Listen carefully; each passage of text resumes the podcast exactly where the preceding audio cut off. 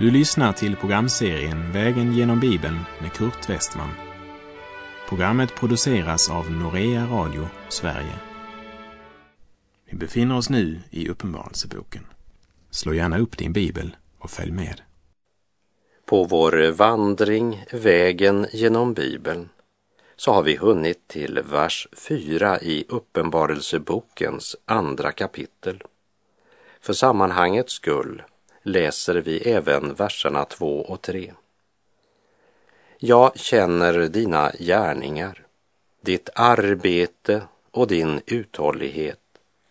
Och jag vet att du inte kan tåla onda människor. Du har prövat dem som kallar sig apostlar men inte är det. Och du har funnit att det är lögnare. Ja, du är uthållig och du har uthärdat mycket för mitt namns skull och har inte tröttnat. Men det har jag emot dig, att du har övergett din första kärlek. Efter allt det goda Herren hade att säga om församlingen i Efesus så ljuder nu ett gudomligt men. Men det har jag emot dig. Mitt i allt detta goda som kunde sägas om Efesus hade man mitt i allt detta förlorat hängivenheten till Kristi person.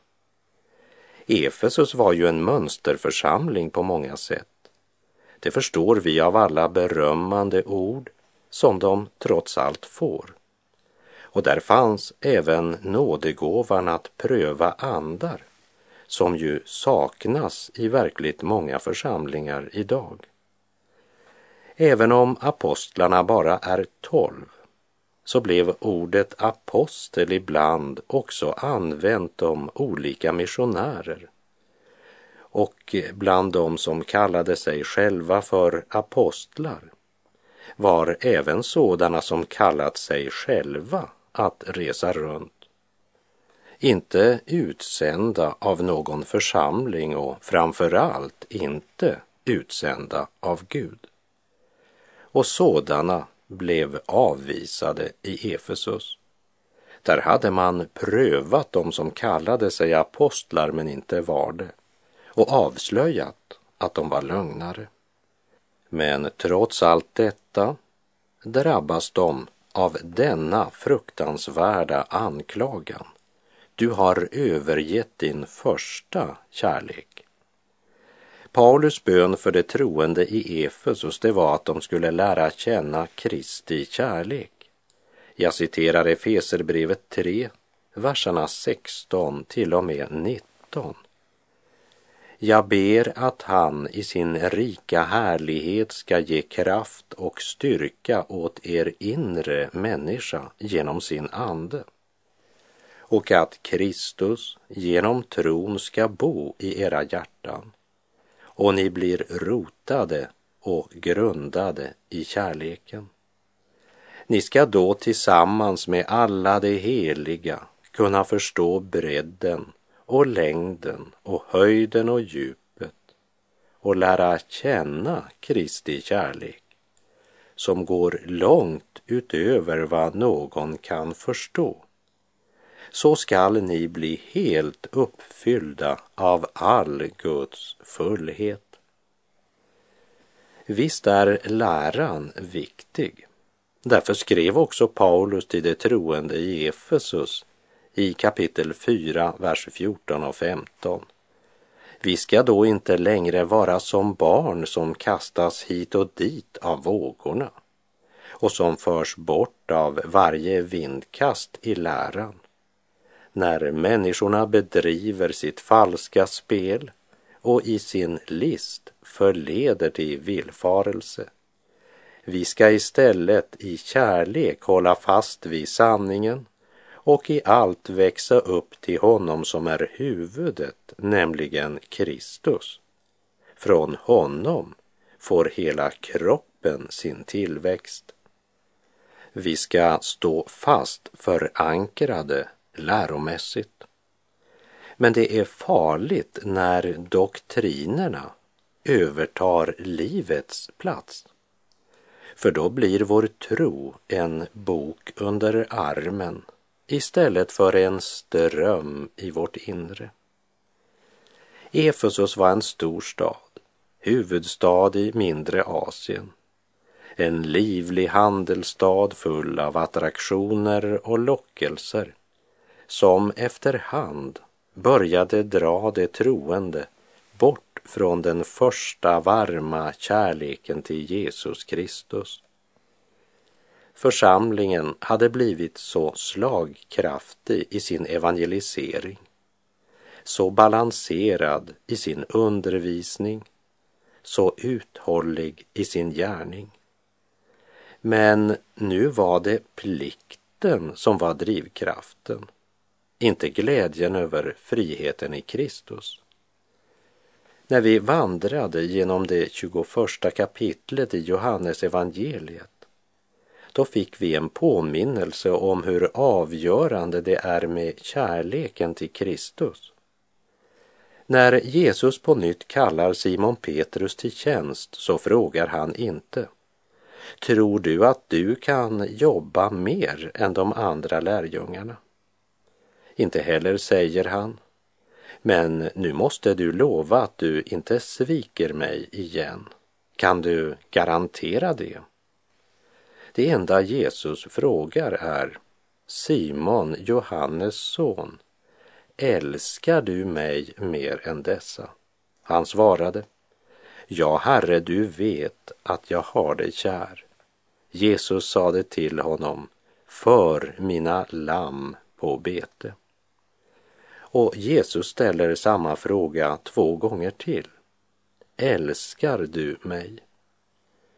Vid kolelden på översteprästens gård var det ingen mat att få för Simon Petrus, bara en frestelse att svika Jesus. Vid Jesu glödhög på stranden får Petrus både fisk och bröd.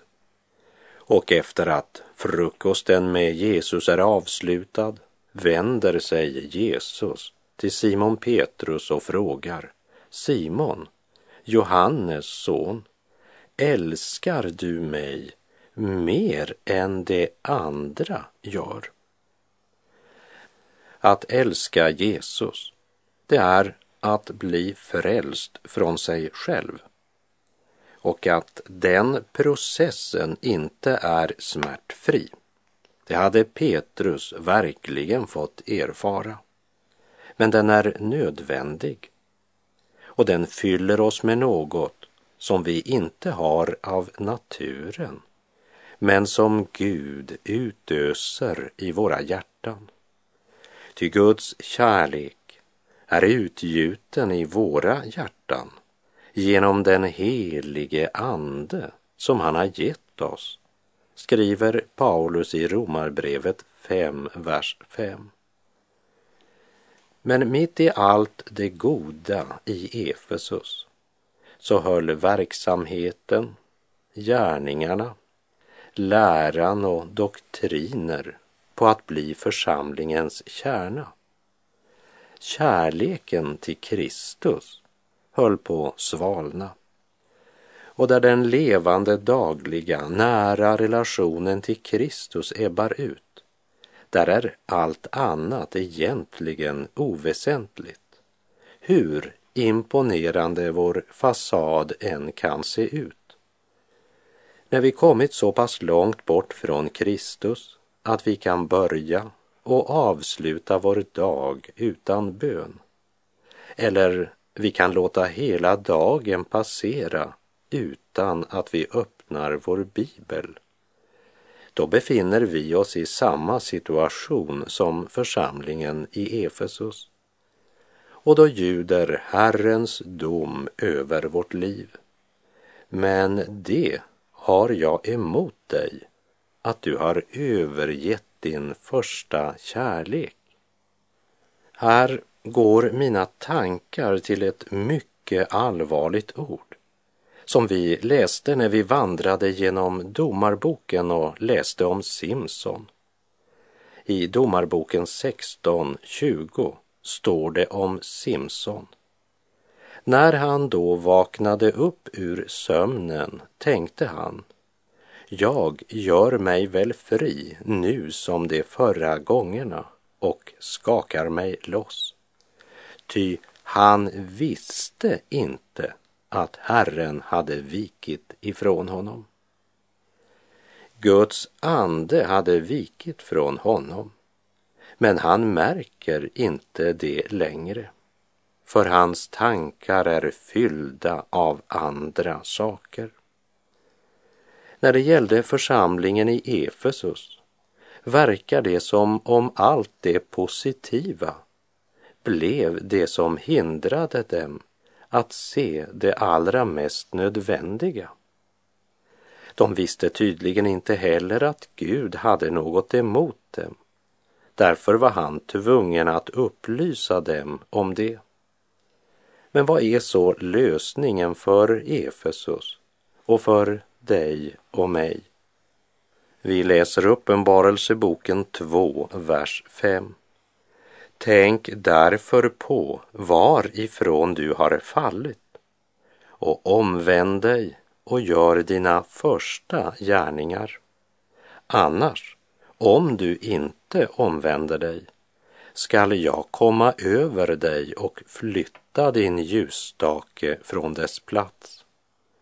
Omvändelse är Guds råd till den som har övergett sin första kärlek.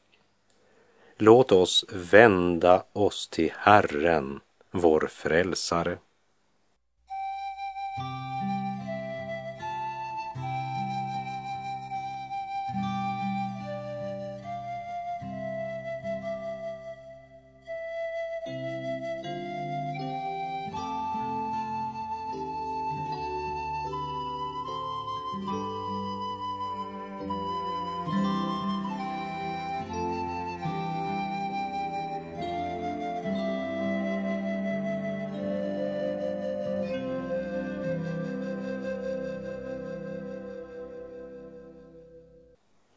Tänk därför på varifrån du har fallit och omvänd dig och gör dina första gärningar. Annars om du inte omvänder dig ska jag komma över dig och flytta din ljusstake från dess plats. Tänk därför på. Kom ihåg, står det i en annan översättning. Bli stilla. Tänk tillbaka. Minnet är ett underbart redskap om det används rätt. Och ur ögonblickets törnen växer minnets rosor fram. Någon har sagt att minnet är andens och erfarenhetens sparbössa.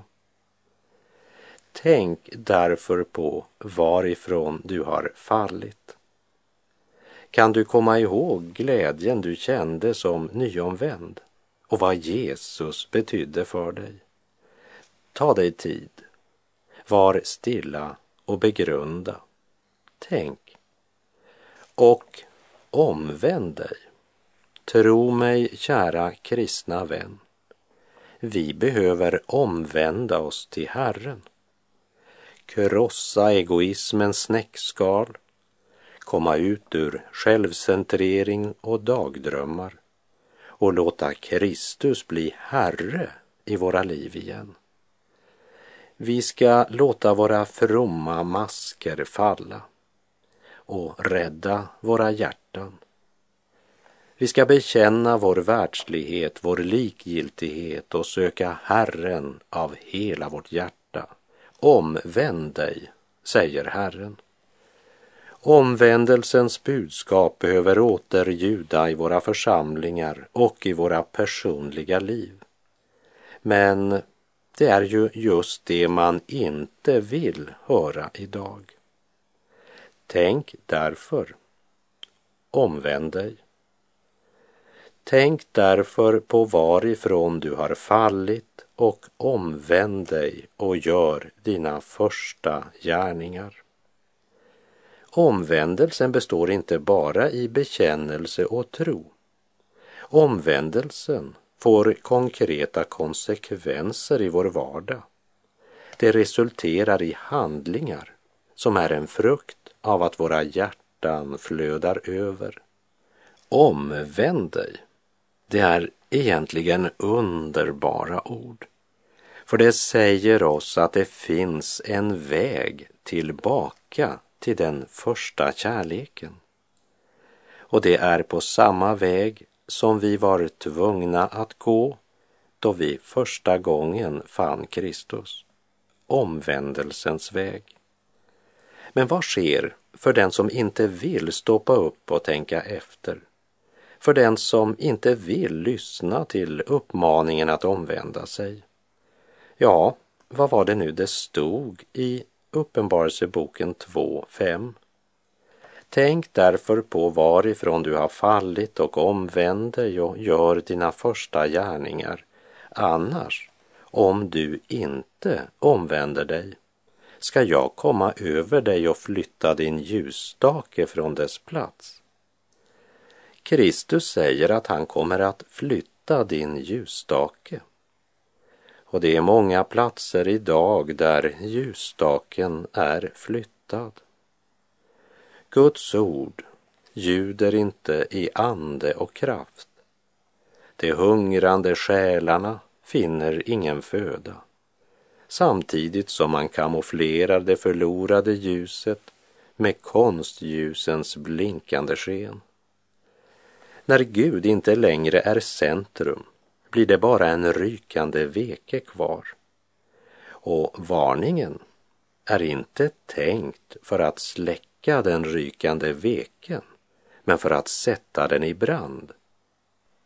I Matteus kapitel 21, verserna 20 och 21, så citerar Matteus profeten Jesaja med följande ord.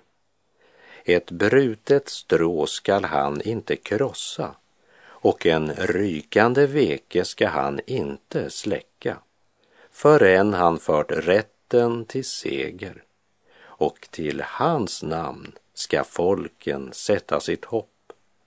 Och i Andra Timoteus brevets första kapitel så påminner Paulus den unge Timoteus om att han ska låta den Guds nådegåva flamma upp igen som finns i honom. Det vill säga det går inte av sig själv. Vi har ett ansvar. Jag tycker att det är underbart att läsa att Herren, efter att ha konfronterat församlingen i Efesus med att de övergivit sin första kärlek, så förkastas de inte av Gud, men manas till omvändelse. Gud önskade göra något nytt i Efesus. Men tyvärr hörsammade de inte kallelsen till omvändelse. Församlingen i Efesus är borta. Ljusstaken är flyttad. Staden förföll och av det lilla som fanns kvar på 1300-talet det tog turkarna i besittning. Och av den stora staden återstår idag bara ruiner. Men nu är det dig och mig det gäller. Vad tänker du göra med Guds kallelserop? Men det har jag emot dig, att du har övergett din första kärlek. Tänk därför på varifrån du har fallit och omvänd dig och gör dina första gärningar. Annars om du inte omvänder dig ska jag komma över dig och flytta din ljusstake från dess plats. Det givs en tid för andra tider som kallas må din sökningstid och innan den till ända lider betänk vad som tillhör din frid. Om det ska gå dig väl till slut så överväg din sak förut. Tänk därför på varifrån du har fallit och omvänd dig. Om och om igen varnar Gud. Vi möter det i Efeserbrevet. Vi möter det i första Korinterbrevets trettonde kapitel och vi möter det igen här i Uppenbarelseboken. Det som en gång började så rätt och så riktigt, både i den enskildes liv och i församlingen, kan så smygande och obemärkt bli till en ljudande malm och en klingande symbol. Klagovisorna kapitel 3, vers 40 säger Låt oss ransaka våra vägar och pröva dem och omvända oss till Herren.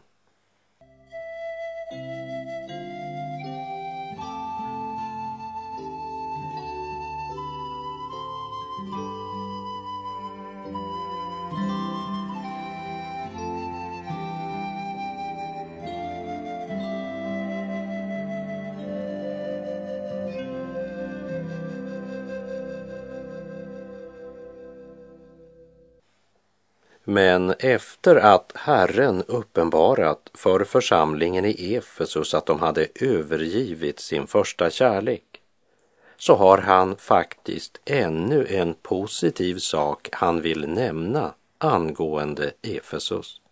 Uppenbarelseboken 2, vers 6. Men det berömmer jag dig för, att du hatar nikolaiternas gärningar som också jag hatar. Nikolaiterna omnämns inte någon annanstans än i Uppenbarelseboken, så vi vet inte vad deras gärningar bestod i. Men som vi ska se lite längre fram i det här kapitlet så har deras onda gärningar sina rötter i att deras lära inte var sann. Det handlade uppenbart både om livsföringen och om läran. I Efesus hatade man nikolaiternas gärningar medan man i församlingen i Pergamus tolererade den läran som vi ska se när vi kommer till brevet till Pergamus. Det är viktigt att lägga märke till att Gud inte säger att han hatade nikolaiterna, men han hatade fattar deras gärningar. För Gud, vår frälsare, vill att alla människor skall bli frälsta och komma till insikt om sanningen, som det står i Första Timoteusbrevet 2.4. Han älskar syndaren, men hatar synden. Gud vill frälsa men det är så få som vill låta sig frälsas. Om den första kärlekens låga inte längre brann i Efesus får de det erkännandet att de hatar de gärningar som Gud hatar och det ger Gud dem beröm för. Vi läser Uppenbarelseboken 2, vers 6 och 7. Men det berömmer jag dig för att du hatar nikolaiternas gärningar som också jag hatar. Den som har öron må höra vad anden säger till församlingarna. Åt den som segrar skall jag ge att äta av livets träd som står i Guds paradis. Den som har öron, har vi inte det allesammans då? Ja, visst, men Gud påminner oss om att det hjälper inte att vi har öron om vi inte lyssnar. Och vi märker att det är något helt speciellt han vill vi ska koncentrera lyssnandet om, nämligen vad anden säger till församlingarna. Den som har öron må höra. Det är högaktuella ord i en tid då man är så ovillig att lyssna till förmaning, så ovillig att överge sin synd, så ovillig att höra sanningen. Bedra inte er själva. Gud bedrar man inte. Det människan sår skall hon också skörda, säger Galaterbrevet 6, vers 7. Nu gäller det dig och mig.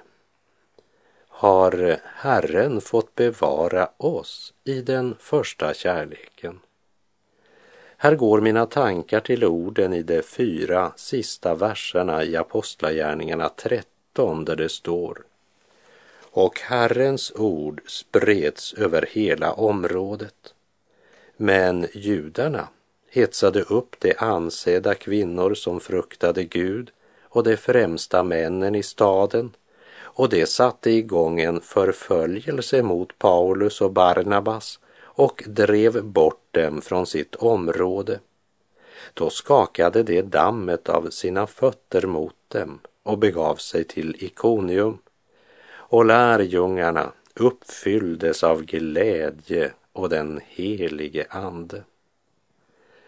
Det är frukterna av den första kärleken vi läser om i Apostlagärningarna.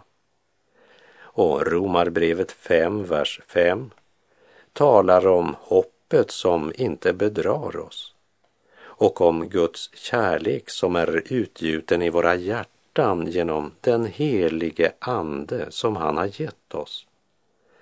Det var den erfarenheten man höll på att förlora i Efesus. Och då betyder deras iver för renlärigheten och deras ivriga arbete intet. Varken organiserande, penningsamlande, byggande av lokaler, social verksamhet, missionsiver eller stora mirakel kan ersätta kärleken till Kristus. Den som har öron må höra talar till oss om att människan på jorden har fått möjlighet att motta eller förkasta evangeliets erbjudande. Och ve de människor som inte kände sin besökelsestid, som hade så rika möjligheter att höra Guds ord, men som vände det ryggen. Och denna form för Guds förakt ser ut att öka lavinartat i vår gudlösa kultur. Bibelns höga kallelse till helgelse och Guds fruktan håller mer och mer på att suddas ut i våra olika kristna församlingar. Man lösriver sig från alla Guds normer och bud och det som majoriteten av folket gör, det kallas för normalt. Uppenbarelseboken 2.7 säger den som har öron må höra vad anden säger till församlingarna. Åt den som segrar ska jag ge att äta av livets träd som står i Guds paradis. Och med det så är vår tid ute för den här gången. O må ingen bli tillbaka här i denna mörka värld. Må vi alla där få mötas efter slutad pilgrimsfärd. Herren vare med dig. Må hans välsignelse vila över dig. Gud är god.